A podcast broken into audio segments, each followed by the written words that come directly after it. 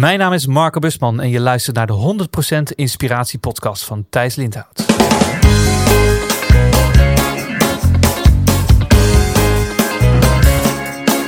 Hey, wat goed dat je luistert. Hij staat weer voor je klaar. Je wekelijkse dosis inspiratie is weer daar. De allerleukste gasten geven al hun kennis prijs. Met je veel te blije host, hij praat je bij. Zijn naam is Thijs. Thijs, Thijs,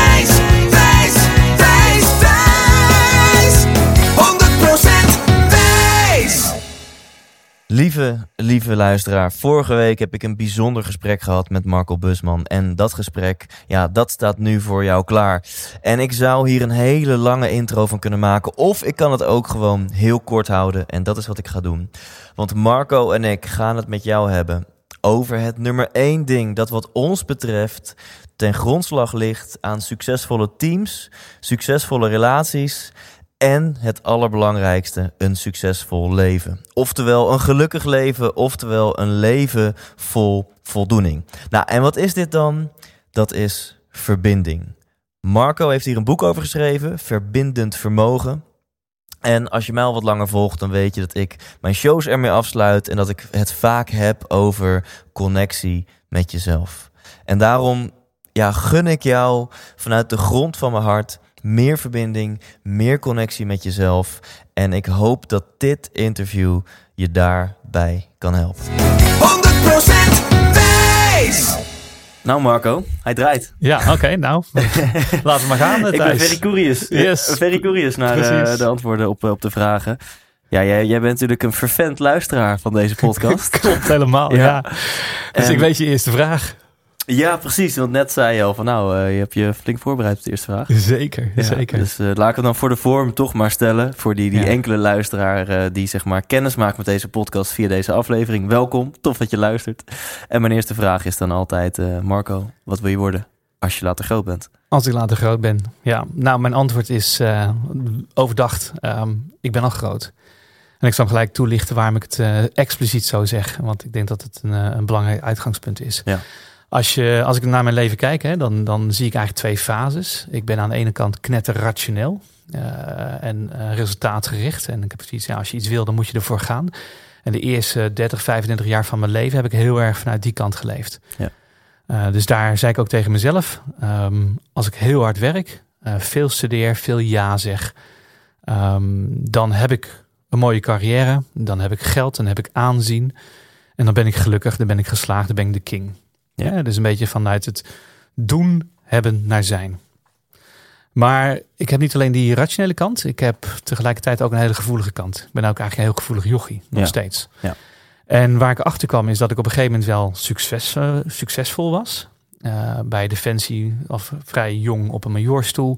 Daarna ging ik naar Capgemini, ook eh, goede managementposities. Ja.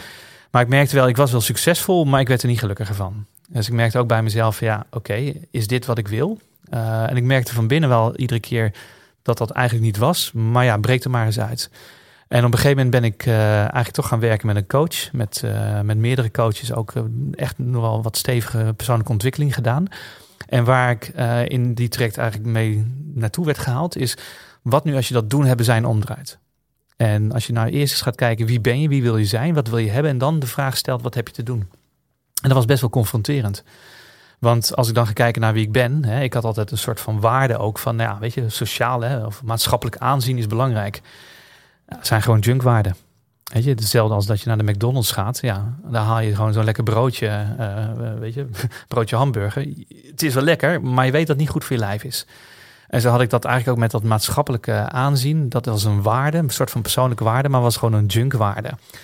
Ehm, en waar ik dus eigenlijk door het werken met mijn eigen coaches en de persoonlijke ontwikkeling achter kwam, is van ja, wie ben ik, wie wil ik zijn? Ehm, weet je, fairness is voor mij heel belangrijk. Familie is eigenlijk ook wel heel belangrijk. Hoewel ik dat in de eerste 35 jaar best wel een beetje achter heb gesteld. Ehm, eerlijkheid gaat het voor mij ook om. Ehm, waar het me ook voor mij om gaat, hè, wie wil ik zijn en wat wil ik hebben.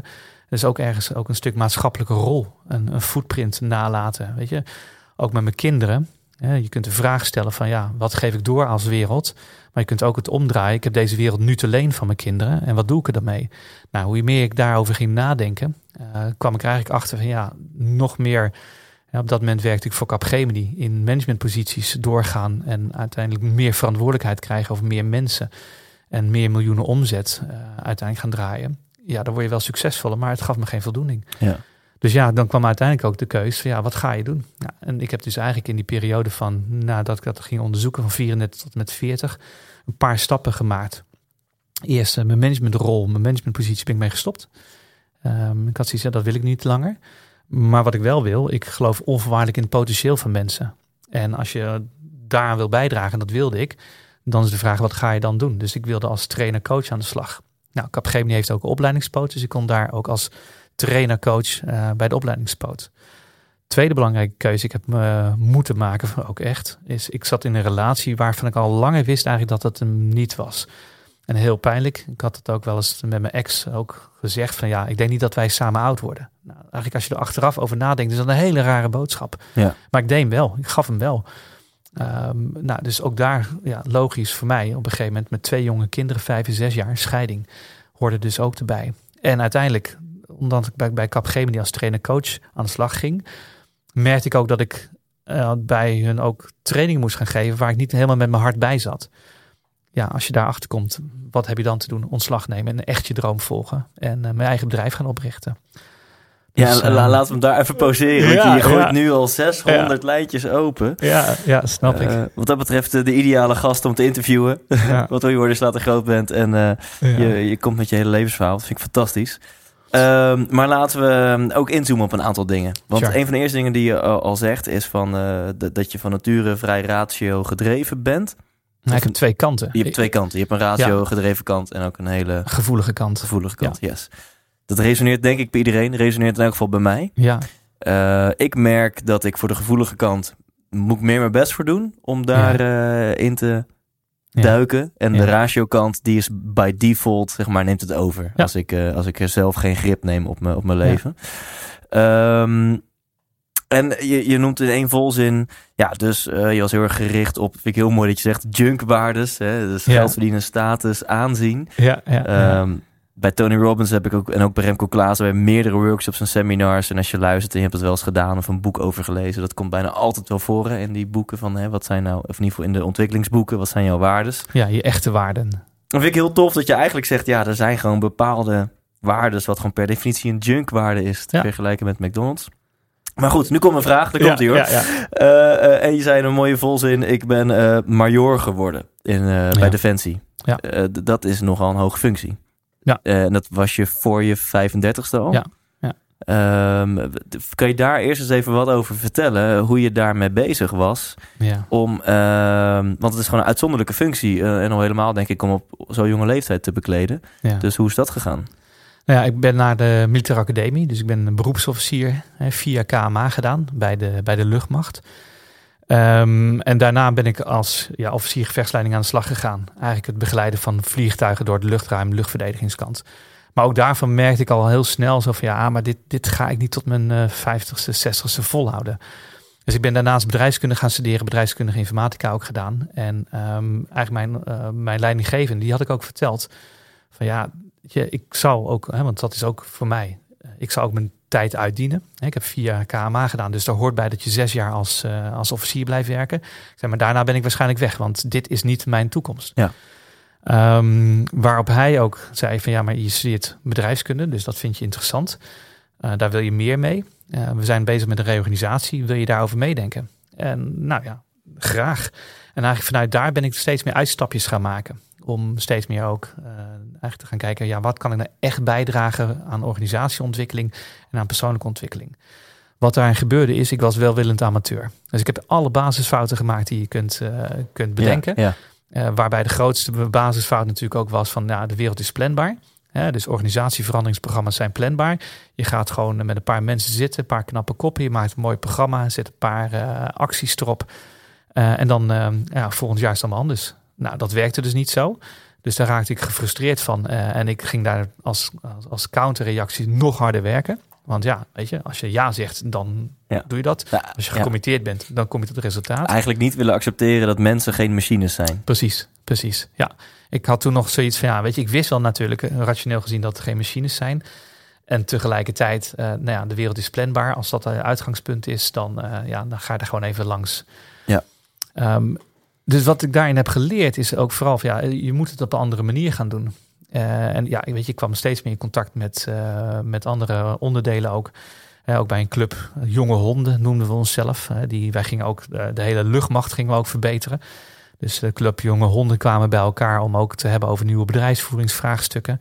Ja, en dan kom je steeds meer ook in zicht bij andere mensen, de onderdeelscommandant, ook in Den Haag, bij de mensen die rondom bedrijfsvoering gingen ja, vanuit daar krijg je gewoon ook andere posities aangeboden. En uh, ja, een kapiteinsfunctie en daarna eigenlijk naar de kapiteinsfunctie gelijk de majoorsfunctie alweer.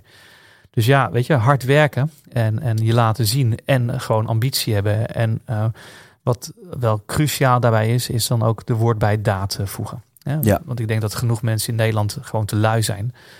Uh, om het maar even heel zwart-wit neer te zetten. mensen willen allerlei dingen bereiken of hebben allerlei ambities, willen allerlei ook heel gelukkig zijn. Maar willen niet altijd daar ook de consequentie voor nemen dat je dan ook acties moet uitvoeren. En dat is ook gewoon soms hard werken en bloed, zweet en tranen. Ja, precies. Dus je noemt echt wel een paar hele belangrijke elementen nu.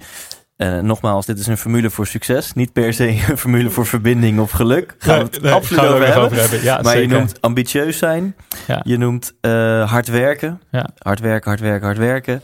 Uh, bloed, zweet en tranen noem je zelfs. En je noemt ook daad bij woord voegen. Ja, dat is allemaal doen hè ook. Ja. Ja, doen, ja. doen hebben zijn. past heel goed bij die fase. Ja. Dus voor de mensen die denken... Oh, hoe kan het dat die mensen meer bereiken? Of hoe kan het dat die Marco dus major is geworden... of een hoge functie bij Capgemini heeft bekleed...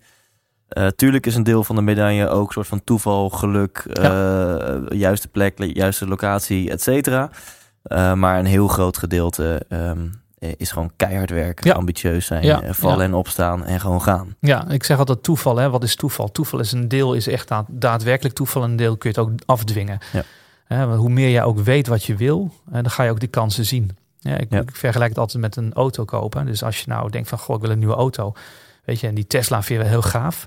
Dan ga je één keer veel meer Tesla's ook zien rijden op de snelweg. Omdat het in je filter ja. zit. Ja. dus hoe meer je ook weet waar je naartoe wil, dan zit dat in je filter. Ga je ook meer kansen zien om ook daadwerkelijk die, die kansen te creëren. Ja, ja 100%. En nou, dit is een mooie, mooie samenvatting voor deze periode. Is dat je leefde vanuit doen, hebben, zijn. Dus doen stond op één. Ja. En op twee stond dan hebben. Als gevolg van wat je deed, bezat ja. je allemaal dingen. En op plek drie, ja. wie de fuck is Marco Busman eigenlijk? Ja, precies. Ja, en, en, uh, en, een gezin ook. Ja, weet je, s ochtends gewoon vroeg de deur uit gaan je kinderen gewoon relatief weinig zien. Uh, S'avonds weer terugkomen, weinig zien, nog doorwerken. En uh, ja, mind over body, hè? Ja, ja, ja, ja mind over body, heel mooi. En dan ja, leven alsof je onuitputtelijke energiebronnen hebt. Ja. En, en, en het leven vanuit die, uh, die junkwaardes. Ja, en, Dat, en dat is in zekere zin nog waar ook. Want het levert ook best wel heel veel energie op natuurlijk. Hè, als je resultaat hebt en, en daadwerkelijk ook een, uh, een groei doormaakt en carrière hebt. Ja, alsof je gewoon die, die, die dopingspuit in jezelf zet. Ja, en, precies. Uh, elk succesje, wow, dat voelt weer als een adrenaline stoot. Ja, nou, in combinatie met dat ik een natuurlijk optimist ben. Ja. Dus uh, ik zie altijd kansen, mogelijkheden. Dus ja, weet je, kom maar door. Ja, ja. ja. oké. Okay, en daar is een kantelpunt gekomen. Ja. Is dat een specifiek moment geweest van... wow, het moet anders? Of, of is dat meer een fase? Nou, het is, wel, het is wel een fase. Um, weet je, dus wel steeds meer gewoon merken ook dat je vermoeid raakt. Uh, dat je eigenlijk ook gewoon in de vakanties gewoon een beetje uitgeput bent. Uh, bij mezelf ook steeds meer merkte eigenlijk dat ik niet lekker in mijn vel zat. Weet je, dat ik ook geen zin had, niet altijd had om, om naar het werk te gaan, dingen te doen. Uh, maar dat sluipte zo een beetje in. En heel lang heb ik dat gewoon kunnen ontkennen. En ik denk dat dat heel veel mensen dat ook doen. Heel lang blijven ze gewoon ontkennen. En dan blijven ze kijken naar, oh, kijk eens, je, je moet het zien. En doen we als maatschappij natuurlijk ook. Hè? Dus we blijven ook tegen elkaar zeggen, ja, we moeten kijken wat je allemaal wel hebt. Uh, gezondheid. Dankjewel. Ja. Dus, dus, weet je, dus dat sluipt er wel in. En, en op een gegeven moment komt dat punt wel dat je gewoon merkt: van, ja, nu kan ik het niet langer ontkennen. En waar ik het vooral um, niet meer kon ontkennen, is in de relatie thuis. Dus ik was gewoon wat dat betreft niet gelukkig. En uh, ik merkte ook dat ik, ja, en dat, ja, het klinkt heel stom, maar het is wel heel eerlijk wat, wat ik nu ga zeggen. Is ik was ook eigenlijk af en toe de boel op scherp aan het zetten, omdat ik ook niet helemaal de lef had om daar de consequenties aan te verbinden. Ja. Wat bedoel je met de boel op scherp zetten? Nou, ik was ook aan het. Eigenlijk had ik liever dat mijn, mijn ex zou zeggen: van uh, weet je, we gaan uit elkaar. Dan hoefde ik die keuze niet te maken. Oh ja. En, uh, dus je was een beetje de, de frictie aan het opzoeken. Ja, Ja, als ik heel eerlijk ben wel, ja. Ja, nu in hindsight, zeg maar. me- Als je nu terugkijkt, dat je Ja. eh, eh, op onbewust niveau misschien wel in de hoop. Dat nou, punt- eigenlijk wist ik toen ook wel. Je wist het ook toen, wel, toen gaf ik dat natuurlijk niet toe, hè? Ja, ja. Weet je, op een gegeven moment word je ook, hoe meer je naar jezelf toe gaat, gaat het ook over durf je echt eerlijk naar jezelf te zijn. Dus ik kan dat nu achteraf echt wel, eh, wel, wel zo zeggen. Dus ik merkte dat dat gebeurde. En ehm, wat een heel, heel kenmerkend moment voor mij is geweest, is dat ik, ik weet nog heel goed, hè, op het moment dat ik het ook heb uitgesproken, dat we uit elkaar gaan, dat we echt gaan scheiden, dat nu echt ging gebeuren. Ehm, is, eh, ja, we zaten in, uh, toen in Helmond. Ik zat op tafel, mijn ex stond voor mij. En uh, nou, weet je, ook weer verdriet en alles. En ik voelde en ik zag in één keer de intensiteit, het verdriet wat ik ook creëerde, ook bij haar. Ja, dat was echt zoiets van, ja, fuck, weet je, tot hier en niet verder. Weet je, hoe, hoeveel verder moet het gaan? Ja. En dat, toen heb ik ook de woorden uitgesproken van, ja, weet je, dat, uh, we gaan echt scheiden.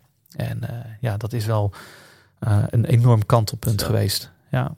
En waar is het oorzaak-gevolg? hè? Is, is dit de oorzaak geweest van de fase waarin je bent gaan nadenken, dingen moeten anders? Of was dit midden in de fase waarin je al aan het nadenken was? Nee, dat was wel midden in de fase. Ja. Kijk, er zit ook wel een stukje aan vooraf wat, wat hè, qua context. Ik, kom, ik ben van nature best wel een eigenlijk levendig jochie ook. Uh, alleen mijn ouders zijn gescheiden. En in de scheiding van mijn ouders, dat is ook niet de meest optimale scheiding geweest. Laat ik het dan zo verwoorden. En dat heeft heel veel impact op mij gehad. Dus daarmee ben ik ook best wel wat meer in mezelf gekeerd en wat teruggetrokken geweest en wat onzeker geworden. En vanuit daar ging ik dus ook heel hard werken en mezelf overschreeuwen. Hè? En dat heel hard doen, doen, doen. Want dan heb ik iets en dan ben ik iemand. Uh, dus, dus weet je, dat, dat stuk levensgeschiedenis hoort er ook wel bij. Ja. En um, ja, dan gaandeweg, dat kun je een tijd volhouden, maar je kunt niet ontkennen in, in de kern wie je bent. En ja, op een gegeven moment, hè, ik zei ook al, ik heb ook die gevoelige kant van mij. En die heb ik heel de tijd weggestopt. Maar ja, Ja. die bleef natuurlijk van vroeten van binnen. En ook zo, zo zijn hand opsteken af en toe van hallo, en ik dan? Ik vind het heel mooi hoe je dat zegt. Eh, Dan, dan heb ik iets en dan ben ik iemand. Ja, Ik denk dat die zo zomaar eens bij sommige mensen binnen kunnen komen. Dat je denkt van wow, inderdaad. Het, en, en dat activeert je rationele brein. Want Precies. iets hebben, ja, dat vergt gewoon hele duidelijke stappenplannen. Precies. Zoals hard werken, ambitieus. Hè? Precies. En dan heb je iets en dan denk je onderbewuste, dan Ja. ben ik iemand. Nou ja, kijk, ik, ik werk als, eh, als executive coach ook. Hè? En eh, vanuit Courage doen we dat heel veel in Nederland en internationaal. En vanuit daar kom ik ook echt wel mensen tegen die hun identiteit hebben gekoppeld aan het werk wat ze doen. Ja. Ja, en dat is best lastig. Want als dat werk wegvalt, Ja. en daarmee ook eigenlijk het wereldje waarin jij je begeeft wegvalt, wie blijft er dan nog over? Ja. En je ziet gewoon dat mensen echt in een identiteitscrisis kunnen komen als, eh, als die omgeving wegvalt. En toen jij de verschuiving bent gaan maken naar eh, wie ben ik? Ja.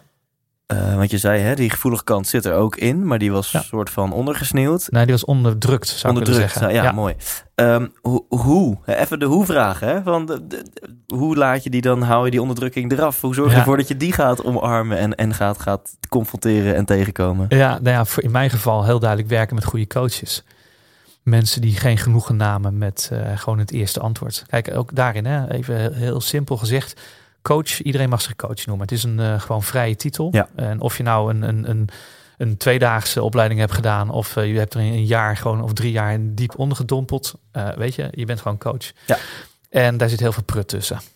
Ehm, en ik heb gewoon wat dat betreft altijd wel. Hè, zo werk ik ook. Als ik met mensen werk, dan wil ik ook met het beste werken. Ja. Hè, dus ik ben altijd wel op zoek naar kwaliteit. En ik heb echt met een aantal kwalitatief hele goede coaches gewerkt. Ehm, voor alle luisteraars die nu op zoek zijn naar een coach. Mijn, mijn gouden tip daar ook is. Geloof echt je onderbuik. Dus op het moment dat je met iemand in gesprek gaat, weet jij binnen 10 minuten al of het wel of niet gaat werken. Ja. Als je enige twijfel hebt, niet doen. Ga op zoek naar een andere coach. Verneem ook gewoon twee of drie coaches als, als een soort van basis om te proeven, te testen. En dan kun je ook kijken, een beetje vergelijken, kijken wat bij jou past. Uh, dus zoek echt iemand waarvan je gewoon je buik zegt, dit klopt. Ja. Nou, en die heb ik gevonden. Uh, nou ja, combineer dat met een aantal ook uh, stevige opleidingen die ik heb gedaan. Onder meer in het buitenland ook een leiderschapstraject van vier, vier keer een week. Waar je echt wel even tot het gaatje gaat. En uh, nou, ik af en toe best wel shakend naar voren kwam. Ja, weet je, dan kun je op een gegeven moment jezelf niet meer ontkennen. Ja, en om het wat concreter te maken, kun je daar Ja. zo'n voorbeelden dan van noemen? Hè? Want je antwoord op de vraag is, nou, hoe ben ik tot die kern gekomen? Door de juiste coaches. En de juiste coaches stellen de juiste vragen. En die nemen jouw eerste antwoord niet aan, uh, ja. die, die, die gaan door. Ja. Um, wat zijn de momenten waarop jij uh, even goed door midden werd gezaagd? Nou ja, een van de momenten die echt voor mij op het netvlies staat. En dan heb ik het over dat leiderschapsprogramma. En daar kwam ook de vraag, ja, wat, wat wil je? Hè? Wat, wat is je grotere doel voor dit leven? En wie wil jij daarin zijn? En daar werd je heel erg uitgedaagd om gewoon ook de grootheid van jezelf te zien. En dat vind ik nog steeds altijd een spannend woord, hè? om mezelf, mijn grootheid volledig te omarmen. En um, tijdens het opleidingstraject kwam ik ook steeds meer achter van, ja, maar als ik kijk naar wie ik ben, ik kan niet middelmatig zijn. Uh, en, en die kwam echt wel eventjes hè, als een bom bij mij binnen van fuck, weet je, mediocrity, middelmatigheid, dat is, dat is niet van mij. Maar dat betekent dus dat je, als je iets gaat doen, dan ga je dat ook echt volle bak doen. Hè, met volle, hè, dat is niet alleen de doenkant, maar ook met de volle zijnsbesef. Ja. Um, maar als je daar dan over na gaat denken, dan moet je daar ook de consequenties van nemen. Want dat betekent ook dat je dan ook gewoon af en toe keuzes moet maken die tijdelijk even minder positief zijn voor jezelf of voor je gezin, voor je kinderen, uh, voor anderen, ten gunste van het grotere doel. Welke inzicht is mediocrity is niet voor mij? Middelmatigheid past niet bij Marco Busman. Welke keuzes kwamen daaruit voort die moeilijk waren om te maken? Uh, nou ja, scheiding is absoluut een, weet je, twee jonge kinderen een zeer lastige keus. Uh, tegelijkertijd was het ook rondom uh, het coachen trainen. Ik kon als manager, toen ik ontslag had genomen als manager, kon ik blijven als trainer coach bij Capgemini. Uh, maar ik voelde ook van ja, weet je, dit is het niet. Ik wil, ik wil het grootste. Ik wil ook voor een Amerikaans bureau werken. Maar ja, dat betekent dus, je bent gescheiden. je hebt twee kinderen, weet je, alimentatie. Um, ik ben toen ook Cindy in die periode tegengekomen. Uh, daar ben ik nu ook mee getrouwd. Uh, binnen twee maanden was ze zwanger. Weet je, dus ik kan je verklappen op dat moment. Als je praat over een rollercoaster, ik heb een rollercoaster meegemaakt. Ja. Nou, en in die rollercoaster heb ik uiteindelijk dus ook besluit genomen om gewoon ontslag te nemen. En dus ook financieel gezien uh, ga je een risico aan. Ja, dat was niet makkelijk. maar ja, het was wel zo. Ik kon niet anders. Ik, ik moest dat gewoon doen. Ja, en mensen die, die luisteren zouden ook nu kunnen denken van... Huh, maar we hebben het net over dat je juist minder die junkwaardes wilde leven. Hard werken, ambitieus. Ja. En uh, uiteindelijk heb je meer de verdieping en de verbinding gevonden... waar we straks uh, het ontzettend over gaan hebben. Daar zijn we nu langzaam naartoe aan het masseren. Er ligt hier een boek voor mijn neus. Die is ook gewoon te winnen, dus blijf luisteren mensen. Maar dat even terzijde. Uh, maar je zegt nu, ja, en ik kwam er juist in die zoektocht naar verdieping... kwam ik erachter dat mediocrity niks voor mij is. En dat, dat klinkt dan weer alsof je dus weer heel erg ambitieus hard gaat werken. Ja, maar er is een verschil tussen ik ben ambitieus, ik ga hard werken om uiteindelijk gezien te worden en erkenning te krijgen van buitenaf. Uh, en ik denk dat dat veel mensen eigenlijk doen. Die zijn op zoek naar het geluk van buiten. Hè? Als, als hey, die Thijs, je bent een geweldige. Weet je, hoeveel, hoeveel volgers heb je nu? Ik, ik weet niet, weet je, maar meer volgers, weet je, dan ben je iemand. Terwijl wat ik ook bij jou zie, en dat is waarom ik ook jouw podcast zo gaaf vind. Weet je, ik voel ook heel duidelijk dat je dat doet vanuit je ambitie en dat je iets bij wil bedragen. Je wil persoonlijk wat groeien en je wil ook de mensen dat die ja. groeien. Weet je, dus dat geeft de voldoening van binnenuit. En ik denk dat daar het verschil in zit. Dus ik ging nu keuzes maken die ja. van binnenuit gewoon voelen en in lijn zijn met waar ik voor sta en waar ik in geloof. Is het van binnen naar buiten of van buiten naar precies, binnen? Precies, en dat is het fundamentele verschil. Ja. En um, wat ik een hele interessante discussie vind of stelling. We hebben natuurlijk allemaal um, ergens in ons leven is de overtuiging geïnstalleerd: ik ben niet goed genoeg. Ja. Want er was een moment waarop ineens niet meer alles was toegestaan. Ja. En waarop jouw uh, kindjesbrein opsloeg: ik ben uh, alleen, of er wordt alleen maar van mij gehouden als ik aan bepaalde voorwaarden voldoe. Ja. is natuurlijk niet waar, maar nee. zo slaat je brein het op. Ja, en dan helemaal precies. in een fase waarin jouw leven letterlijk afhankelijk was de van die mensen. fase is cruciaal. Ja, want het doet heel veel. Exactly. ja. uh, lang verhaal kort. Ja. Is het niet zo dat, dat, dat iedereen een bepaalde mate altijd nog in zich heeft van ik ben niet goed genoeg en ik wil bijvoorbeeld iets hebben, dan ben ik iets of ik wil mezelf bewijzen.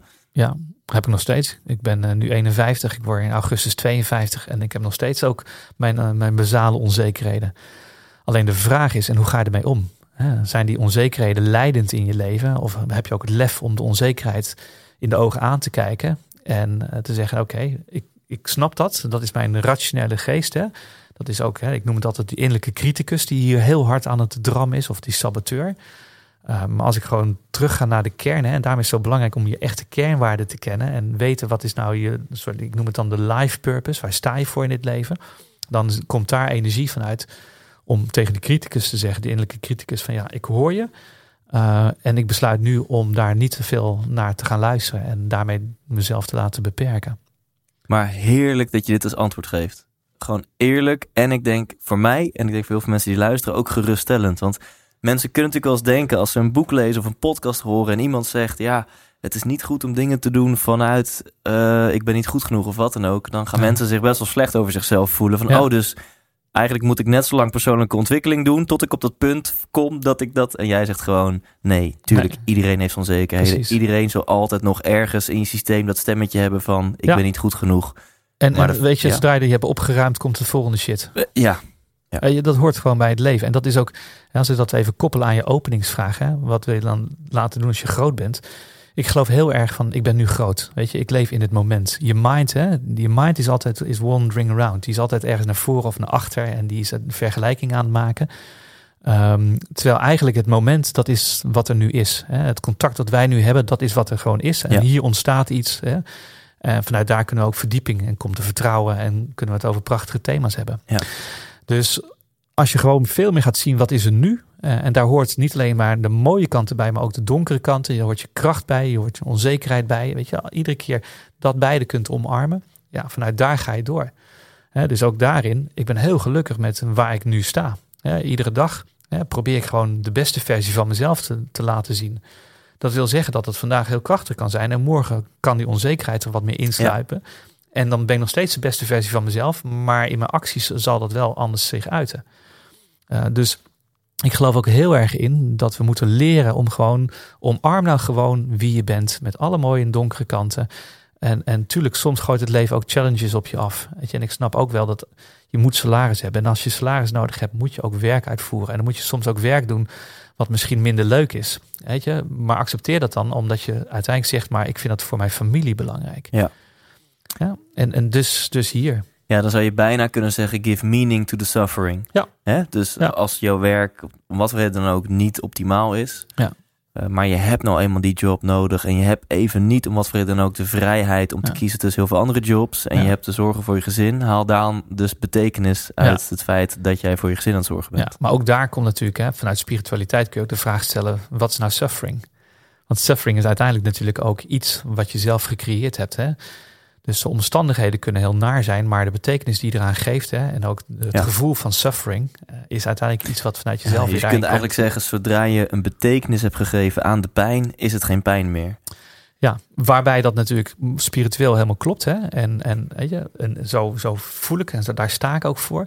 En tegelijkertijd wil dat niet zeggen dat ik altijd zo leef. Want ik kan ook gewoon op zijn tijd gewoon echt wel eventjes, uh, bijvoorbeeld ook thuis wel eens een keertje klappen en uh, gewoon, ja. Weet je, alle mooie inzichten die ik heb volledig vergeten. Omdat ik ook natuurlijk een emotiegedreven uh, ja. dier ben uiteindelijk. Ja, tuurlijk. Laten we dat alsjeblieft voorop stellen. Wij hebben allebei een soort van voorbeeldfunctie. Ik wat meer als inspirator naar buiten toe via de podcast en Instagram. En jij als auteur en als coach. Ja. En, uh, maar laten we vooropstellen dat, dat we niet perfect zijn. We zijn absoluut niet en perfect. dat echt nee, niet wij nee. uh, miste inspiratie, altijd alles volgens het boekje doen en dat nee. zou ook niet goed zijn. Uh, sterker nog, en ik, dat, ik geloof dat dat hè, voor jou zal dat ook denk zijn. Het is ook niet mijn doelstelling om perfect te zijn.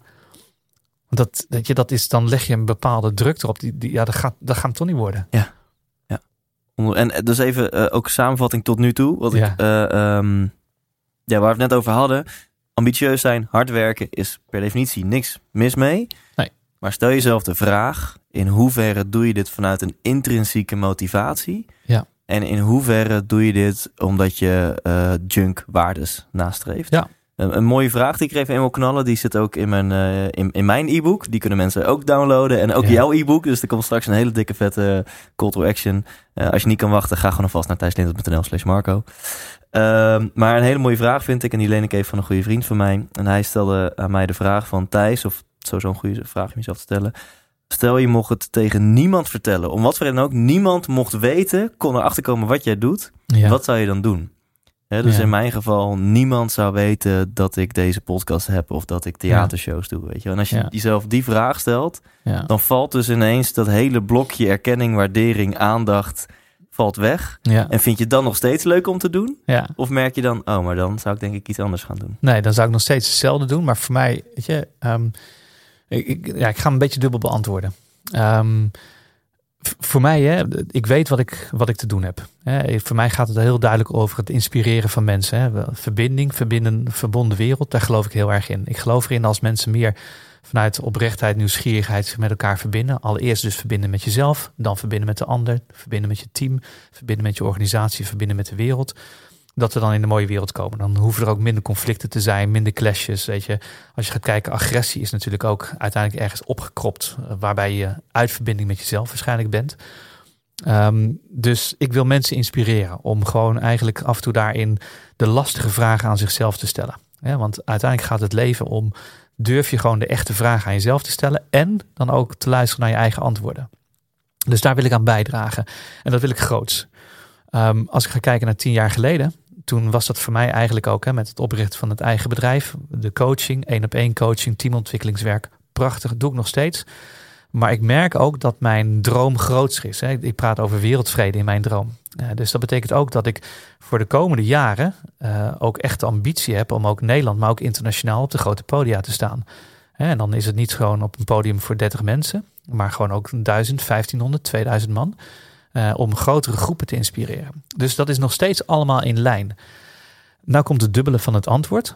Um, dus ik weet hè, waar ik nu sta, daar ben ik heel tevreden mee. Ik heb een ambitie die ook naar voren gaat. Uh, tegelijkertijd weet ik ook dat als ik op het podium sta en aan het eind het applaus krijg, dat vind ik wel super lekker. Weet je, dus de ego-kant van mij, die zegt ook nog van ja, weet je, even dat applaus en mensen die jou leuk vinden. En ook hè, de luisteraar nu, die denkt van oeh, weet je, de mooie uitspraken misschien wel. Daar ga ik ook van, van glimmen gewoon. Ja, ja. Dus weet je, die hoort bij elkaar en daar zit energie in. Alleen ook hier gaat het weer om, doe ik nou de dingen vooral om mijn ego eigenlijk gewoon te voeden? Nee, ik doe het vooral omdat ik geloof in de verbindend vermogen. En dat dat bijdraagt aan wereldvrede. En tegelijkertijd de side effect is dat ik er ook een enorm lekker gevoel van krijg. Ja, dat vind ik een hele mooie. Van ja, je ego is een component en is niet per definitie slecht. Ja, een bepaalde bewijsdrang is altijd een component en is ook niet per definitie slecht. Precies. Maar laat je daardoor leiden, is dat de hoofdmoot. Juist. Wil je Olympisch goud, omdat je dan denkt, dan houdt mijn vader wel van me. Ja, precies. Om even heel extreem te ja, noemen. Ja, ja. Of wil je Olympisch goud, omdat je zo'n ontzettende passie voor de sport hebt en uh, dat daar ook nog een bepaalde uh, meaning of purpose aan gekoppeld Precies. En dus gaat het om iedere keer weer, stel jij jezelf de lastige vraag om je eigen drijfveren te, te onderzoeken. Ja. En ben je ook bereid, en dat is echt een cruciale, ben je ook bereid te luisteren naar je eigen antwoorden. Want soms hoor je wel eens je eigen antwoord en denk je, ja, maar eigenlijk vind ik het niet zo'n leuk antwoord. Of eigenlijk ben ik dan niet zo aardig. Ja, weet je. Maar dan is de vraag, en wat ga je nu doen? Ja.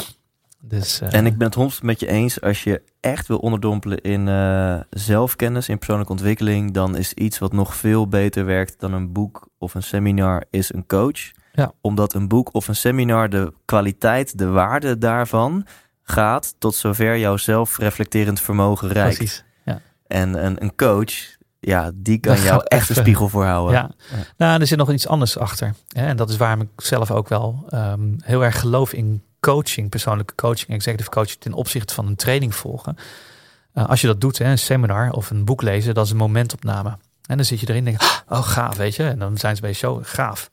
Alleen de vraag is, en hoe hou je het levend? En wat je per definitie met een coach doet, is dan ga je samen gewoon een aantal gesprekken in. Ja, mensen die met mij eigenlijk in de gesprekken gaan, dat zijn we toch minimaal zes maanden onderweg. Ja. En dan blijf je zes maanden, blijf je eigenlijk met iedere keer de reflecties bezig. Hè? En het gaat over gedragsverandering, het gaat over denkstijlverandering. Het gaat over, over eerlijk zijn daarin. En je blijft iedere keer die gesprekken hebben, waardoor het keer op keer terugkomt. Je krijgt een aantal uitdagingen erbij. Weet je, je gaat daarmee experimenteren, daarop reflecteren. Ja, en over een langere periode eigenlijk met dat thema bezig zijn. Dat creëert een grotere kans op verandering dan eenmalig gewoon het boek lezen of bij een seminar zijn. Ja, 100%. En om dan, um, ja, laten we maar gewoon de link naar het boek maken, een ja. jump maken. Want in jouw ja. zoektocht naar geluk en succes, en waarschijnlijk ga je me zo wel challengen, want je wilt anders formuleren, maar in jouw zoektocht naar geluk en succes, Marco, naar verbinding met jezelf, naar, um, um, ja, eigenlijk naar uh, zijn, hebben, doen, is denk ik verbinding een sleutelwoord geworden. En ja. jij bent niet van mediocrity, dus jij hebt de beste coaches en de beste stuff overal opgezocht. Ja. En op dezelfde manier waarop je major bent geworden, ben je major geworden in de wereld van zelfontwikkeling en coaching. Ja. Um, en waarom zeg ik dit? Want jouw boek heet Verbindend Vermogen. Ja. Dus kan je eens beginnen met ons vertellen over wat maakt nu dat, dat verbinding, dat dat eigenlijk het sleutelwoord is geworden in, in jouw zoektocht naar ja, het leven, laten we maar zo noemen. Ja, omdat ik eigenlijk steeds meer achterkwam dat uiteindelijk iedereen gewoon op zoek is naar verbinding.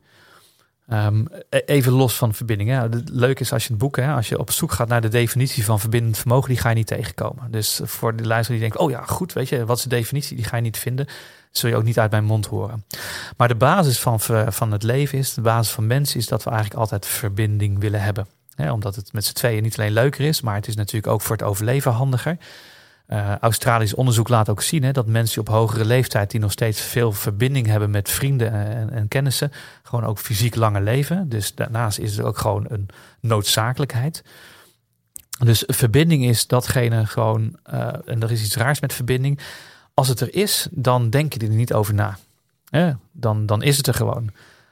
Echter, als het afwezig is, dan ga je het missen. Hetzelfde met vriendschap. Als het er is, goede vrienden, Weet je, de waarde van de echte vriendschap ga je pas ontdekken op het moment dat de vrienden wegvallen. Datzelfde is ook met verbinding. En voor mij gaat het dus eigenlijk om dat ik eigenlijk een beetje ontkoppeld was van waar het voor mij echt om gaat. die junkwaarde had ik als het ware een soort van werkelijkheid van gecreëerd. En zo, hoe ging ik ook om met mijn vrienden? Hoe ging ik om op het werk, et cetera? Ik heb mezelf ook voldoende overschreeuwd. Weet je, andere mensen gewoon af en toe eens een keertje de, de grond ingestampt van hup, eh, doen. Weet je, de negatieve motivatie zou ik maar zeggen. Uh, ja, dat klopt gewoon niet.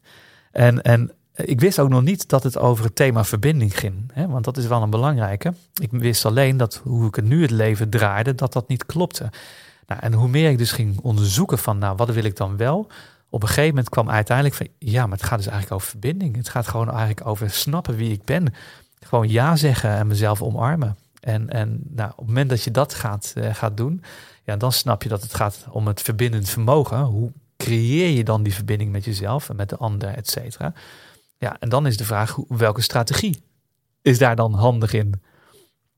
Um, want ja, als je gaat kijken, en ik ga met jou hebben, hè, jij, je hebt ook vele, vele dingen gelezen. Hè, ik hoef jou ook niks te zeggen over Gallup waarschijnlijk. Hè. Die heeft, Gallup is een Amerikaans onderzoeksbureau en die zegt ook van ja, de meeste mensen die verlaten niet de organisatie, maar die verlaten hun manager omdat er dus gewoon eigenlijk geen verbinding wordt gevoeld met de andere persoon die als vertegenwoordiger van de organisatie staat. Ehm, als je gaat kijken naar verbinding uh, als leidinggevende, wordt er heel veel de vraag gesteld van ja, maar wat is nou eigenlijk je ambitie? Terwijl als je vanuit verbindend vermogen kijkt, vanuit de functionele kant is dat een goede vraag. Maar als ik met jou wil verbinden, ook als mens, van mens tot mens, dan zou ik eigenlijk de vraag moeten stellen: wat is je droom? En dan krijg je een heel ander type antwoord in één keer. Mm Um, functioneel gezien kun je ook denken van ja, in verbinding met de wereld. De wereld is eigenlijk een, een, weet je, een groep van afnemers. En daar zitten mijn klanten en daar zitten de grondstoffen en daar zit mijn personeel. Um, maar vanuit verbinding met de wereld, hè, vanuit de menskant, ga ik ook nadenken over ja, maar wat vind ik eigenlijk van het vluchtelingenvraagstuk? Of de Zwarte Pieten discussie? Of dichter bij huis? Als ik nou zie dat iemand in mijn straat wat eenzaam is, wat doe ik daar dan mee? Ja, en, en, dus ook hier weer, het is niet zo dat ik in één keer wakker werd en denk van, ah, verbinding, verbindend vermogen, daar ga ik nu aan werken. Nee, eigenlijk doordat ik bezig was met het zelfonderzoeken, kwam ik erachter dat het thema verbinding en verbindend vermogen eigenlijk mijn, uh, mijn leidmotief is. Ja.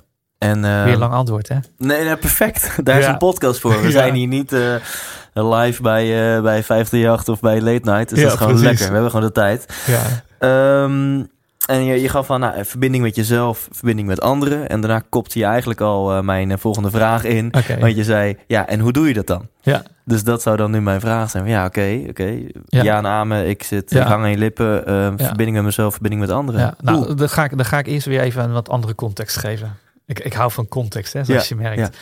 Um, Kijk, ik, ik, ben ook niet op een kruistocht tegen de ratio. Hè? Want het gaat voor mij over ratio en emotie. Het gaat over functioneel en het gaat over relationeel. Het is iedere keer altijd een soort van hoe integreer je die twee werelden.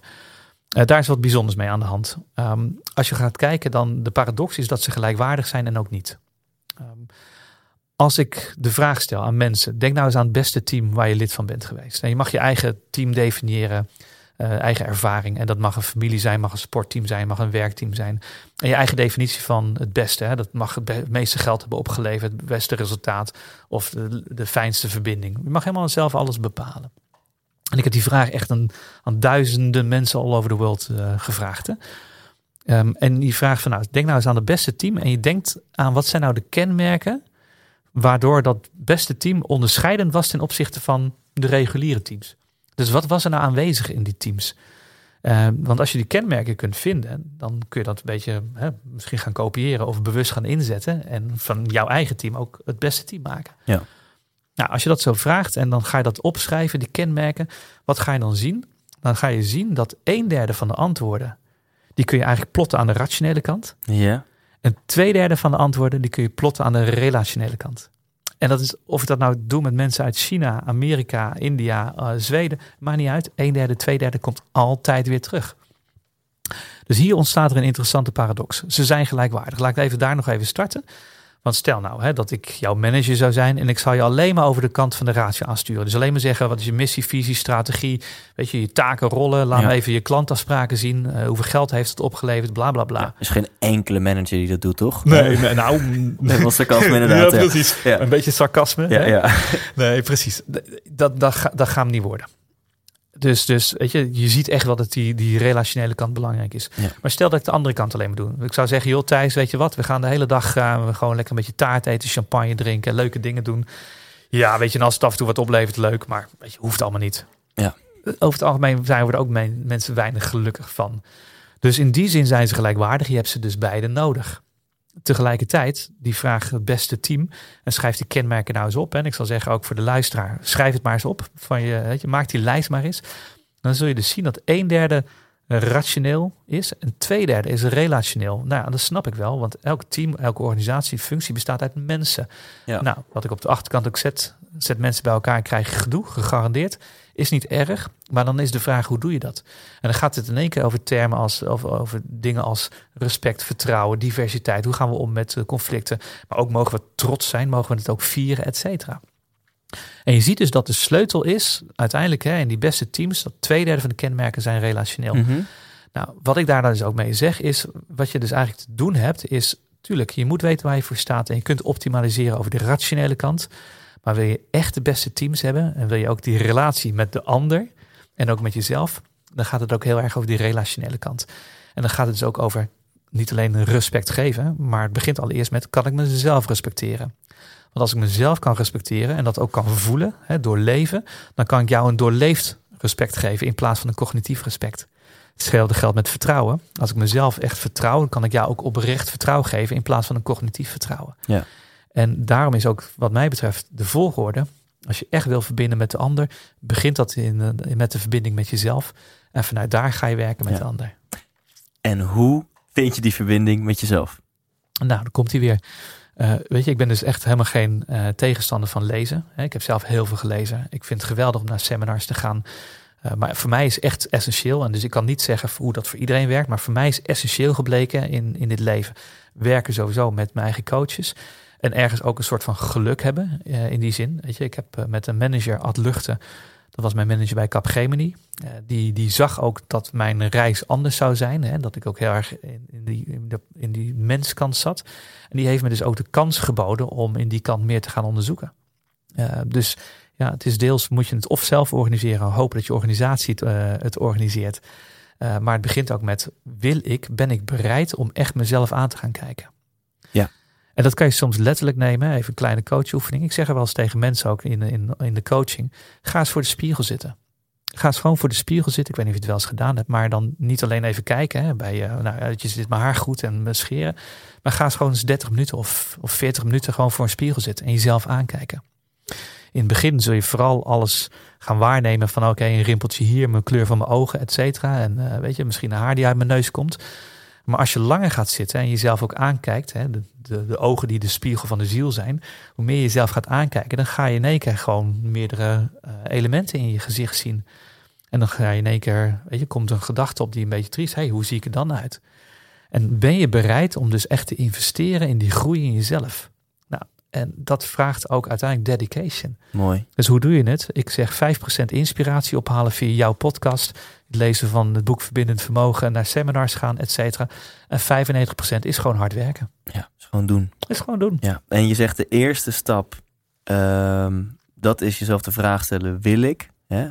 Ben ik bereid? Wil ik het echt? Wil ik ja. het echt? Ja. Ben ik echt? Ja. Want het is niet allemaal even leuk, zeg maar. Nee, nee, nee. Uh, nee. Over de beste gesproken, in mijn zoektocht naar de beste coaches ben ik Albert Sonneveld tegengekomen. Die heeft mij uh, gecoacht. Ja. Ja, Dat was echt niet altijd even grappig. Nee, nee, precies. De Nee. inzichten die die... eh, Soms heel pijnlijk even Ja, ook, hè, wat je ja. tegenkomt. het is helemaal niet leuk wat je nu zegt, Albert. Nee, Nee. nee. Ehm, Ja, en dan eh, vooral als ja? je het ook zelf gaat zeggen. Want als iemand anders tegen het zegt, komt hij binnen. Maar op het moment dat je het ook over jezelf moet zeggen van... ja, weet je, dat is niet handig van mij. Heb ik niet handig aangepakt. Ja, of de, de ander zegt het. Je hoofd die slaat op hol, want er is niks van waar. Ja, Vindt je hoofd. Ja, maar je voelt, je voelt in je lijf, je voelt gewoon in je of je voelt een traantje opkomen of wat dan ook. Dus fuck, weet je wel. Fuck, Je- ja. En wat is dan eerlijker, je lijf of je hoofd? ja, ja, En, over de- en over zijn traantje gesproken. Dat is natuurlijk ook zo'n ding. Ik ben, weet je, ik ben een gevoelige gast. Ik, weet je, ik kan nu janken. Ik kan huilen. Weet je, als ik voor een film of mooie dans eh, zit te kijken. En dat raakt me heerlijk om die tranen over mijn wangen te voelen te gaan. Maar er zijn genoeg mannen natuurlijk die zeggen... oh nee, ik ben een stoere gast, weet je, dat doe ik niet. Ja. Ah, gelul, jongen. Ja. Gelul. Ja. Gewoon toegeven aan wat, wat echt van jou is. Ja. Maar durf je dat? Ja. Vraag lef. Ja. Dus dat is een hele mooie eerste. Wil je het echt? Durf je het echt? En als concrete tip geef jij, nou, je kan een hele dure coach nemen, maar je kan ook eens beginnen met jezelf vijf minuten aankijken in de spiegel. Ja, 40 minuten, hè? 30 Eh, tot sorry, jij 40. zegt 40, ja. maar we kunnen het als we het klein maken dan. Nee. Nee, jij Nee, zegt nee, van Marco Gelul. mag je geen 5, 40. Nee, weet je wat het is? Vijf minuten is een soort van weet je, cognitief over, ja, overbrugbare afstand. Oké. Eh, terwijl als je gewoon na tien minuten, een kwartier, weet je, dan komt ook de irritatie op. Wat een oefening. Weet je, wat een stom. Weet je, wat, waar slaat hij nou? Wat levert, wat levert het me nou op? Nou, Ja. ga dan maar eens een keertje daar doorheen. Oké, oké. En, en zou je hem ook, eh, of in ieder geval mijn toevoeging zou zijn, je kan hem ook met je partner doen. Ja. Dat je elkaar aankijkt. Ja. En, eh, ben ik je, ook. Ben je ook zo streng dat hij dan 40 minuten moet? Nee, nee. Ik doe dat Hmm. hè, bij mijn lezingen die ik geef. Dan laat ik mensen ook gewoon eh, elkaar aankijken. Mensen die je totaal niet kent. Ja. En dat eh, gewoon vijf tot tien minuten. Zo. Ja. En, eh, en ik heb dat ook gedaan internationaal. Mensen, met mensen ook weer uit China, uit India, et cetera. Waar elkaar in de ogen aankijken eh, ook niet helemaal eh, de gebruikelijke cultuur is.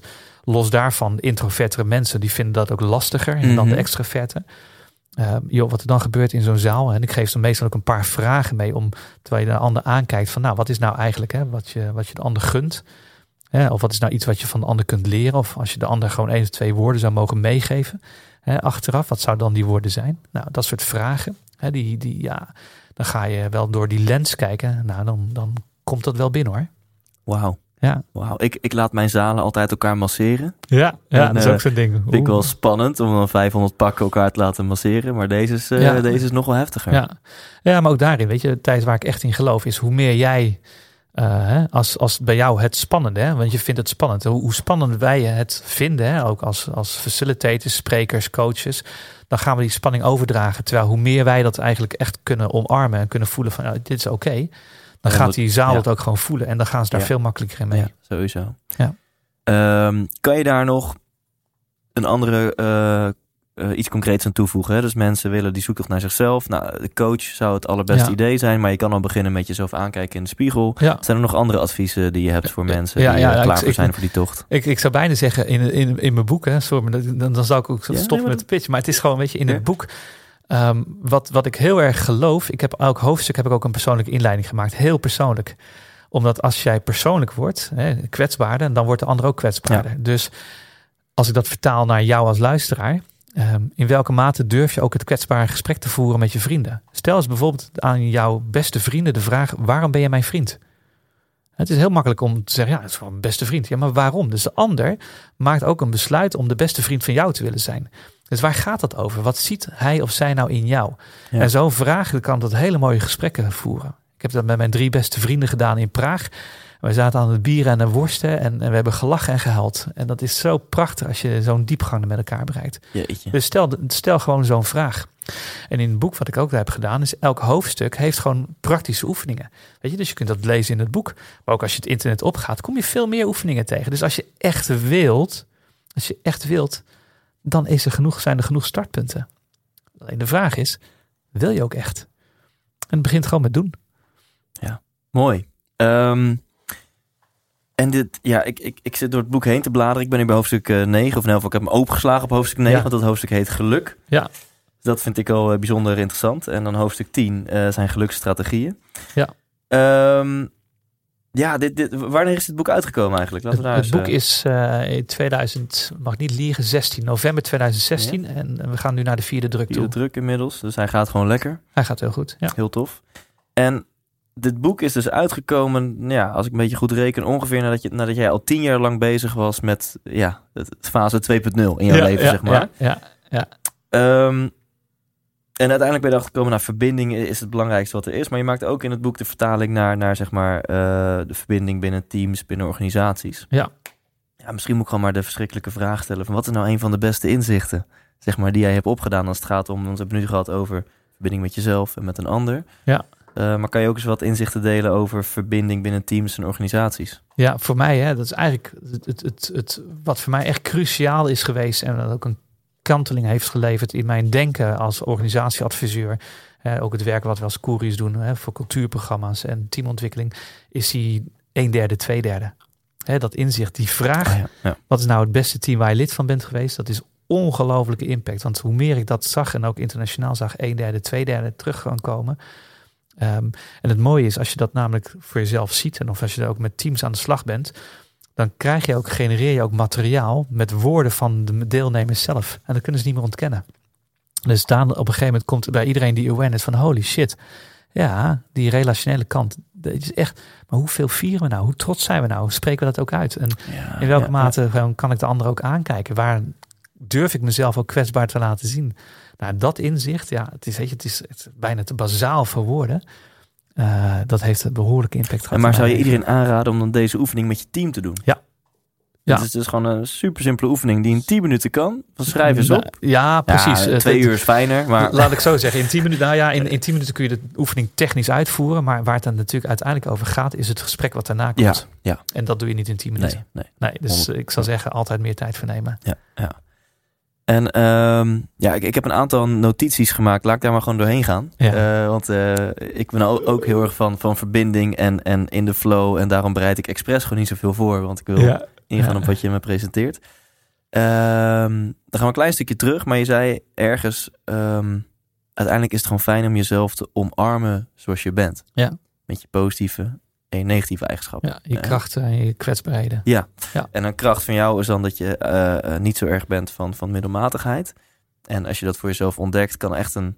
Ik heb daar echt ja, vaak ervaren als een bevrijding of zo. Als ik Ja. ontdek van mezelf, en of het nu een kracht of een zwakte is, van. Oh, maar zo ben ik gewoon. Ja. Dat is geen vrijbrief om het niet te veranderen als het een zwakte is. Maar ja. kan heel fijn en bevrijdend voelen eh, eh, om voor jezelf dat, dat helder te hebben. Ja. En dat, eh, eh, dat gun ik iedereen. Dus laten we dat voorop stellen. Wat, wat ik aan zou willen Ja? toevoegen, dat je de vraag Ja? stelt. En dat je ook vooral daarbij mag denken, ik ben oké zoals ik ben.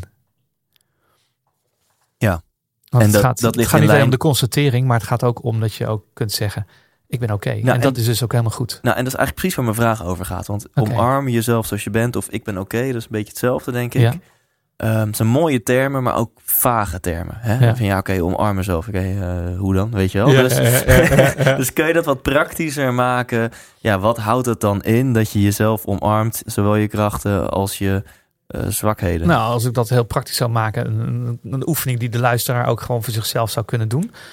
eh, komt hier weer een stukje context. Er is een verschil tussen een compliment geven en erkenning geven. Een compliment is, zit wat meer aan die rationele kant, is meer functioneel georiënteerd. Hè. Een compliment zou kunnen zijn, joh, wat fijn dat je het eh, projectplan op tijd af hebt. En dat je ook het, eh, weet je, aan alle elementen hebt gedacht en dat je dat goed uitgewerkt is. Het is allemaal heel functioneel, is aan de doen-kant. Uh, terwijl een erkenning is veel meer over wie ben je als mens, wat is de kwaliteit die je ziet bij de ander.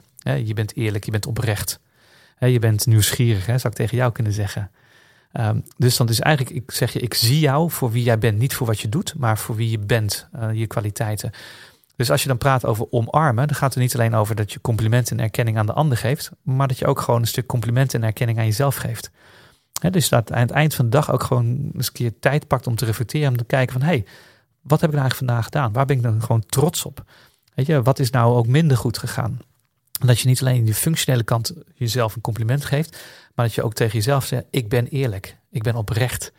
En dat is een heel kort, een kort zinnetje, maar, maar door gewoon ook dat vaker naar jezelf uit te spreken, dan gaat dat wat doen. Ja. En ook daar, en het gevaar wat hierin zit, is dat als mensen dat gaan doen, zeggen: Ja, weet je, ik ik, durf van mezelf te zeggen, ik ben, ik ben leuk. Hè? Ik ben best een aardige gast. Ik ben echt aardig. Maar er zijn momenten dat ik niet aardig ben. Weet je, uh, vraag aan mijn kinderen. Uh, die zullen ook af en toe best wel zeggen dat ik af en toe een draak ben. Hè? Een draak ben geweest. Of gewoon, dat gebeurt ook nog wel eens. Ja. Uh, maar omdat ik dat af en toe ben, wil niet zeggen dat ik in de basis niet aardig ben. Dus zeg nou gewoon eens tegen jezelf, ik ben aardig. Ik ben eerlijk, ik ben oprecht. En ook hier, hè, als ik dan die spiegel erbij pak, als je ochtends toch hè, voor die, uh, die tandenborstel staat met, je, met jezelf in je mond een beetje te schrobben. Weet je, zeg het dan ook eens tussendoor. Of aan het eind daarvan. Weet je, wat, wat is datgene Ja, wat, je, ja. wat je echt van jezelf wil vinden? Dus dat is één. Kun je gewoon doen. En je zult merken als je dat vaker gaat uitspreken. En dan ook niet alleen denken, maar alleen ook fysiek uitspreken. Dan gaat dat uiteindelijk werken. Waarom? Omdat die ratio, uh, ratio en emotie zitten ergens verbonden.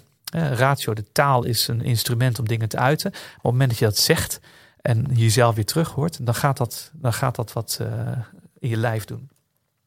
Het tweede, wat je heel, heel simpel gezegd ook kunt doen als je praat over het omarmen, is ook voor die dag kijken, ja, maar wie wil ik vandaag zijn? Weet je, wat, welke kant van mijzelf wil ik meer naar voren laten komen? En dat noem ik dan de intentie. Wat is de intentie van de dag? Dus ik wil die nieuwsgierigheid. Weet je, ik ga vandaag nieuwsgierigheid ruimte geven. Of ik ga vandaag veel, veel, uh, veel meer uh, speels zijn. He, speels is ook een van mijn kwaliteiten. Uh, heeft een tijdje geduurd voordat ik dat durfde te accepteren. Want speels, ja, weet je, volwassen vent, speels. Nee, dat is, dat is meer voor een jochie. Nee, dat is een van mijn kernkwaliteiten, verdorie. Weet je, daar heb ik echt tijd voor moeten doen om dat te accepteren. Maar ook daarin kun je gewoon 's ochtends tegen jezelf zeggen... met welke intentie ga ik vandaag mijn werk doen? Dus niet alleen maar wat ga ik allemaal realiseren en bereiken, dat is de doenkant. Maar wie wil ik ook zijn? Nou, dan kun je ook gewoon 's ochtends gewoon voornemen. En aan het eind van de dag denk je er eens aan terug van... nou, in welke mate heb ik mijn speelsheid laten zien? In welke mate heb ik andere ruimte gegeven? In welke mate heb ik anderen daadwerkelijk ondersteund? Dus het is allemaal niet, weet je, het is allemaal niet zo complex. Maar we maken het soms zo complex. Ja, en dat laten we dan, want we komen richting het einde, maar laten we lekker inzoomen op de kern. Verbinding, dat is een van de redenen dat wij hier ook om tafel zitten. Want ja, uh, omdat, dat weten mijn vaste luisteraar of mensen die bij mijn show zijn geweest, sowieso. Een van de belangrijkste inzichten uit mijn zoektocht van inmiddels tien jaar naar het leven, naar geluk en succes, is ja. dat het veel meer draait om connectie. Nou, connectie is gewoon een ander woord voor verbinding. Connectie Precies. met jezelf, mensen in je omgeving en zelfs met de natuur. Ja, en die laatste altijd nog het moeilijkst om toe te voegen, zeker live, omdat je dan sommige mensen gaan het dan ineens heel zweverig vinden. Ja. Maar holy fuck, elke keer weer als ik uh, door de natuur wandel, merk ik, dit is, ja, mijn hele lichaam geeft gewoon aan, dit, dit ken ik. Ja, dit ja. is mijn natuurlijke precies, omgeving. Precies. Hier voel ik me fijn bij. that way. Even een Ja. praktische tip voor de luisteraar die coach is. Als ik coach mensen in Nederland face-to-face, ik ga, ik, weet je, je zult mij nooit op een kantoor zien zitten. Ik ben altijd aan het wandelen. Ik wandel gewoon dwars door de natuur Ja. heen en ondertussen ben ik de executives aan het coachen. Geweldig. Heerlijk. En uh, we hebben trouwens een hele sikke, toffe, vette weggever zo dadelijk, hè, waar we ja. nog wat over gaan vertellen. Um, maar goed, dus onze, onze hoofdboodschap um, sluit heel erg bij elkaar aan. Ja. Uh, het is dus allemaal niet zo ingewikkeld, wat je ook zo mooi zegt. Hè? Live true to yourself, leef Precies. trouw aan jezelf. Maar goed, wat is essentieel om trouw aan jezelf te leven? Dat je eerst die verbinding voelt, want anders weet Ja. je niet waar je trouw aan moet leven. Ja. Um, maar je gaf het voorzetje al door te zeggen, we maken het zo complex. Laten we even dan inzoomen op het probleem. Als het zo eenvoudig is, voel die verbinding met jezelf en Ja. leef daar trouw aan. Hè? Je moet er ook in actie komen. Geen woorden, maar daden. Hoe komt het dan, als het zo simpel is, dat we met z'n allen zo erg die verbinding kwijt zijn? Nou, ik denk dat we, we zitten in, ook in een consumptiemaatschappij waarin we het allemaal graag uh, vandaag het liefst gisteren geregeld willen hebben. En jij geeft het net zelf aan, je bent al tien jaar ermee bezig. Hè? Uh, ik heb tot mijn 30, 35ste, dus ik ben ook al 15 jaar als het ware die verdieping aan het maken. Dus het gaat er ergens ook over dat we weer eigenlijk weer terug moeten naar het kind in onszelf. We hadden al eventjes eerder ook over de hechtingsfase. Weet je, als kind, jong kind, ben je uh, vrij, weet je, dan mag alles ook. En dan kun je het ene moment een traan hebben, het volgende moment, uh, weet je, is het weer serieus, dan ben je aan het vechten. Alles mag. En dan gaan we steeds meer te horen krijgen wat wel hoort, wat niet hoort, wat de waarden zijn binnen het gezin. Als je op school zit, als het rode puntje naar boven staat, mag je geen vragen stellen. Als het groene puntje is, mag je wel. En dan gaan we als het ware steeds meer uh, in, in vaste structuren komen. En ergens gaat het ook over het ontworstelen van die structuren. En dat moet je dus ook als het ware weerstand gaan bieden tegen dan datgene wat maatschappelijk verantwoord is en wat maatschappelijk klopt. En dat is één. Maar daarnaast moet je dan ook het lef hebben om daarin in, in door te gaan met jezelf.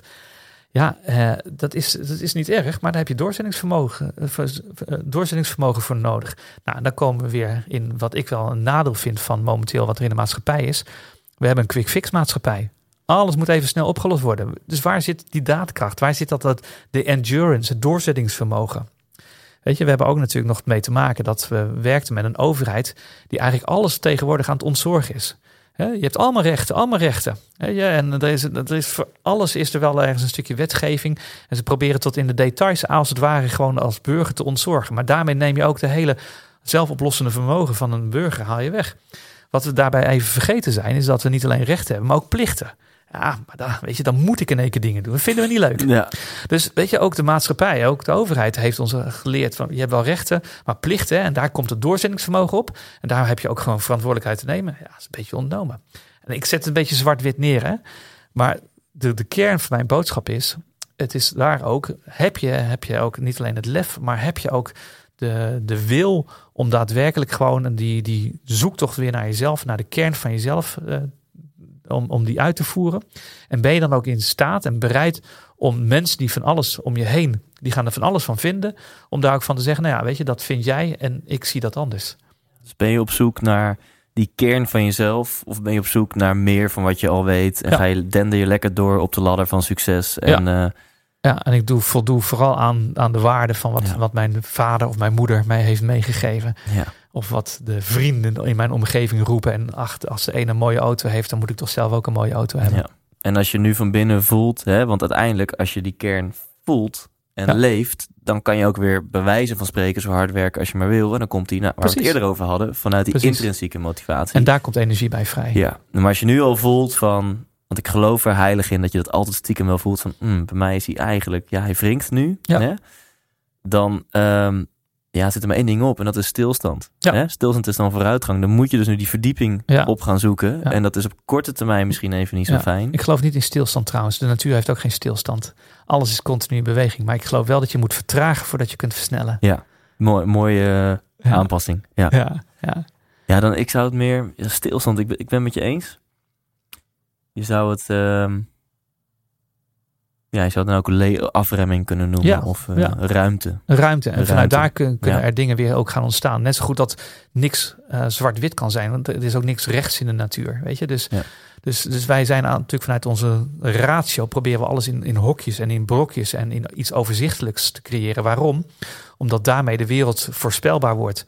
Jongens, de wereld is niet alleen maar voorspelbaar. Er zitten ook allerlei eh, rare kronkels in. En kun je dan vanuit het contact met jezelf gewoon eigenlijk die rare kronkels zien. En gewoon zeggen, nou, wat vind ik er eigenlijk van? Ja. Nou, ja. Tot slot, ik heb nog een soort van vraag der vraag voor je. Oh jee, oh jee. nou kom maar Ja, en hij is al een paar keer voorbij gekomen. Dus het zou Ja. ook zomaar kunnen zijn dat je in herhaling gaat vallen. eh, en dan dat is alleen maar goed. Dan eh, gaat het nog beter landen. Eh, de heilige graal is toch allemaal een beetje dat we heel hard willen werken. We willen heel graag het leven van ons dromen creëren. Ja, Maar we willen ook genieten van de weg ernaartoe. ja, we willen ook voldoening. ja. En ehm, wat is wat jou betreft... ja, laat ik hem eigenlijk zo... Nee, laat ik hem iets... iets eh, laat ik hem ombuigen. Wat ook een aantal keer voorbij is gekomen in dit interview... is eh, een stukje purpose, zingeving. eh, Ja. Je eigen persoonlijke missie. Maar dat is best wel groot en best wel vaag. ja. En ehm, dus welk, welk concreet advies zou je iemand mee kunnen geven... die nu luistert en me- merkt van... ja, oké, ik vind het super tof om inderdaad een coach op te gaan zoeken... en om vaker de natuur in te gaan en mezelf aan te kijken... en om meer ja. van mezelf te weten te komen. Maar ho- hoe ga ik nou uiteindelijk echt die, die, die diepere purpose eh, vinden die in mij zit? Ja, ja. Ja, ja. God, je wil even een kort antwoord hierin. Ja, zo God, zeg. Nee, Weet je, daar ben ik soms gewoon echt met meerdere gesprekken met mensen natuurlijk mee bezig om echt, Ja, hè? ja. En dan zitten weken tussen om echt die laag eh, te Nee, doen. maar je mag een casus eh, zonder naam of toenaam te noemen eruit pakken. Of Ja. je mag ook een antwoord van 10 minuten geven. Het, nou, het kan allemaal in deze Nou, podcast. Ik, ik, geef, ik geef je gewoon het antwoord zoals het voor mij werkt. Ja. Ehm, eh, voor mij gaat het om een life purpose. En de life purpose gaat eigenlijk, hè, dat is eigenlijk een korte zin, waarbij je zegt ik ben, en dat is de een metafoor, die, en dan benoem je wat de impact is die je nastreeft. En een life purpose is niet iets wat je eenmalig definieert en dat dat voor de rest van je leven altijd zo blijft. Ik ben nu aan mijn derde life purpose en dat betekent ook dat die zin is als het ware een soort van mantra waar ik af en toe over nadenk. En bij mij is mijn life purpose op dit moment, ik ben de Shambhala warrior die wereldvrede creëert. En de Shambhala Warrior, dat is ook ergens een spiritueel, spiritueel achtergrondstuk.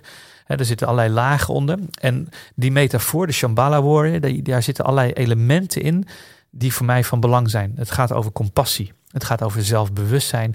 Het gaat ook over af en toe krachtig zijn. Het betekent ook af en toe dat in het pad wat je te, te gaan hebt, dat dat niet alleen maar leuk is, hè, maar dat er soms ook wat bloed kan vloeden.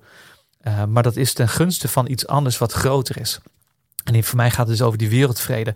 En dat wil dus niet zeggen dat ik nu in één keer, uh, weet je, eh, tegen Trump ga zeggen van, hey Trump, weet je, laten we een gesprek hebben en laten we de wereld veranderen. Wereldvrede kun je heel erg op een groot niveau kijken, maar je kunt ook kijken naar wereldvrede is ook gewoon hoe ga ik om met mijn buren. Zeg ik gewoon gedag tegen ze. Weet je, dat draagt ook al bij aan wereldvrede. Dus dat kleine zinnetje, ik ben de Shambhala warrior die wereldvrede creëert, is als een zinnetje wat ik op zijn tijd gebruik om het te reflecteren. Hè. En ik mediteer ook in de ochtenden met regelmaat, om af en toe gewoon eens een zinnetje te pakken, om daar gewoon eens op te mediteren. Hoe staat het er nou eigenlijk voor? En het leuke is van die Shambhala warrior, die metafoor zit ook een bepaalde energie in die ik heel spannend vind. Ik heb het al eerder gezegd, mijn grootsheid, hè, echt en mijn kracht, echt te zien, vind ik nog steeds heel spannend. Uh, omdat ik denk, ja, ah, dan komt mijn eigen stemmetje. Wie ben ik om zo krachtig te mogen zijn? Ja. En by the way, weet je, kracht betekent ook dat sommige mensen daar wat, uh, wat angstig van worden. En ik ben een pleaser van huis uit, dus dat vind ik niet leuk. Uh, maar tegelijkertijd helpt die life purpose, die, die metafoor van de Shambhala Warrior, mij om iedere keer weer uit te dagen. Ja, maar waar sta ik nou voor? Wat is de energie die ik wil neerzetten?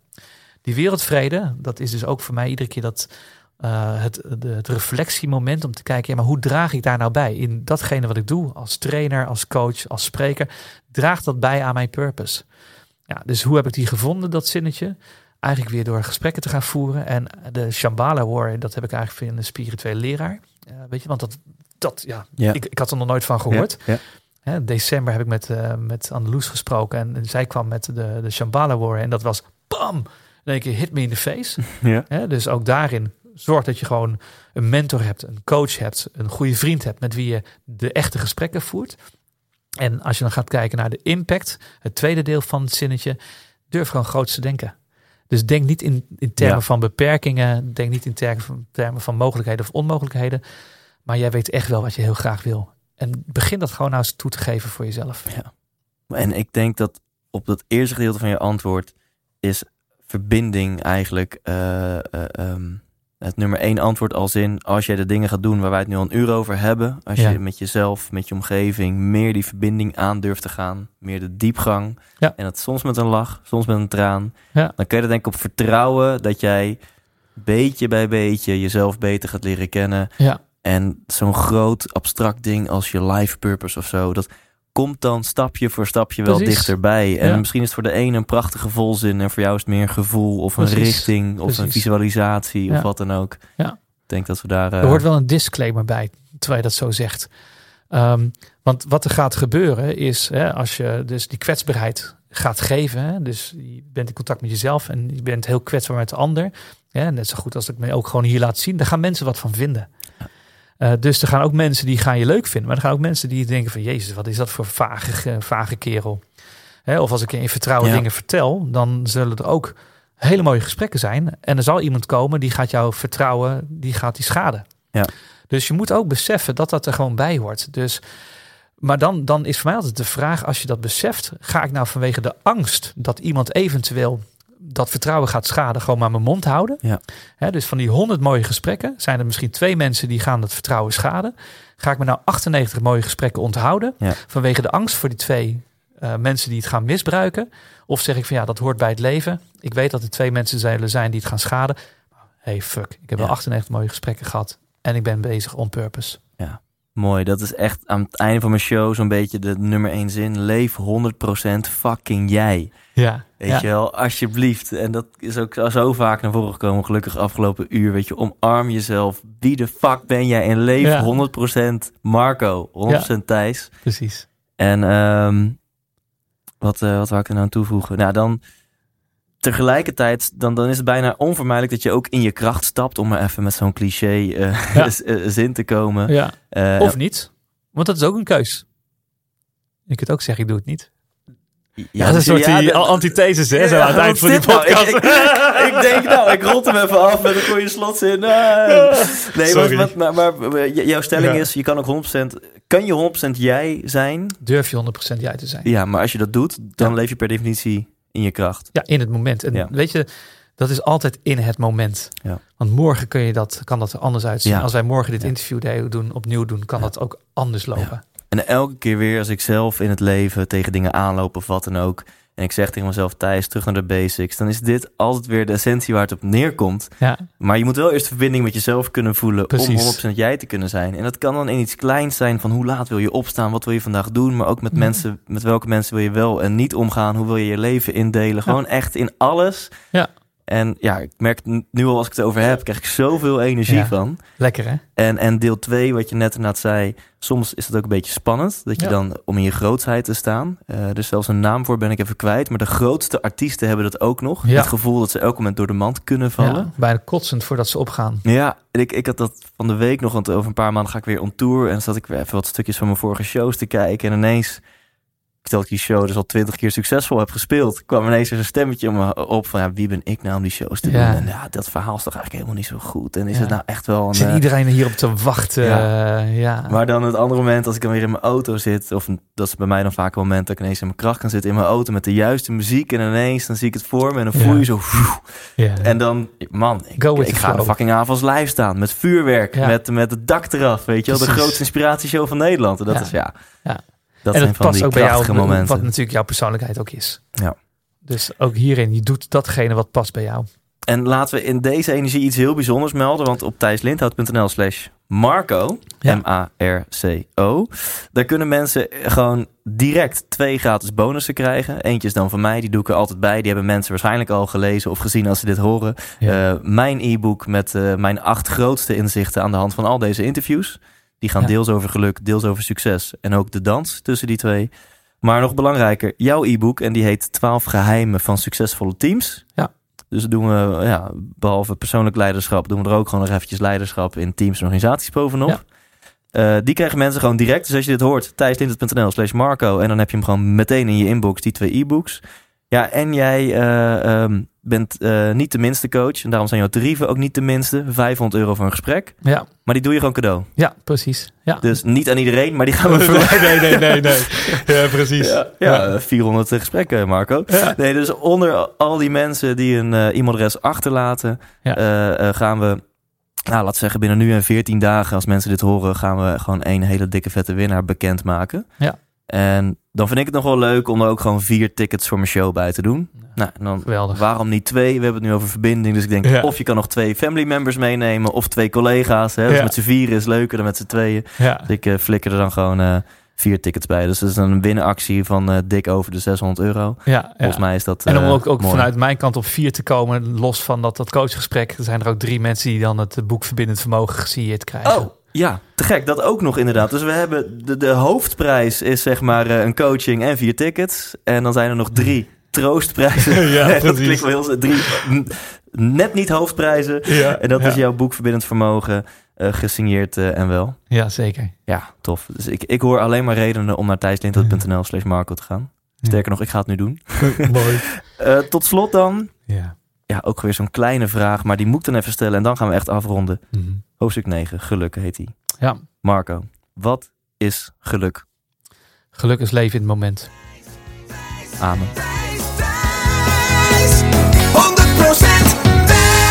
100% Ja, bedankt Marco voor je tijd. Voor deze waanzinnige winactie. En jij als luisteraar, bedankt voor het luisteren. En ik zou heel snel gaan naar thijslindhout.nl slash Marco. Want om het nog even op te sommen, dan krijg je direct in je inbox uh, de acht grootste inzichten van mij aan de hand van al deze interviews. En een e-book van Mark met 12 geheimen voor succesvolle teams. Dus die krijg je gewoon 100% gegarandeerd.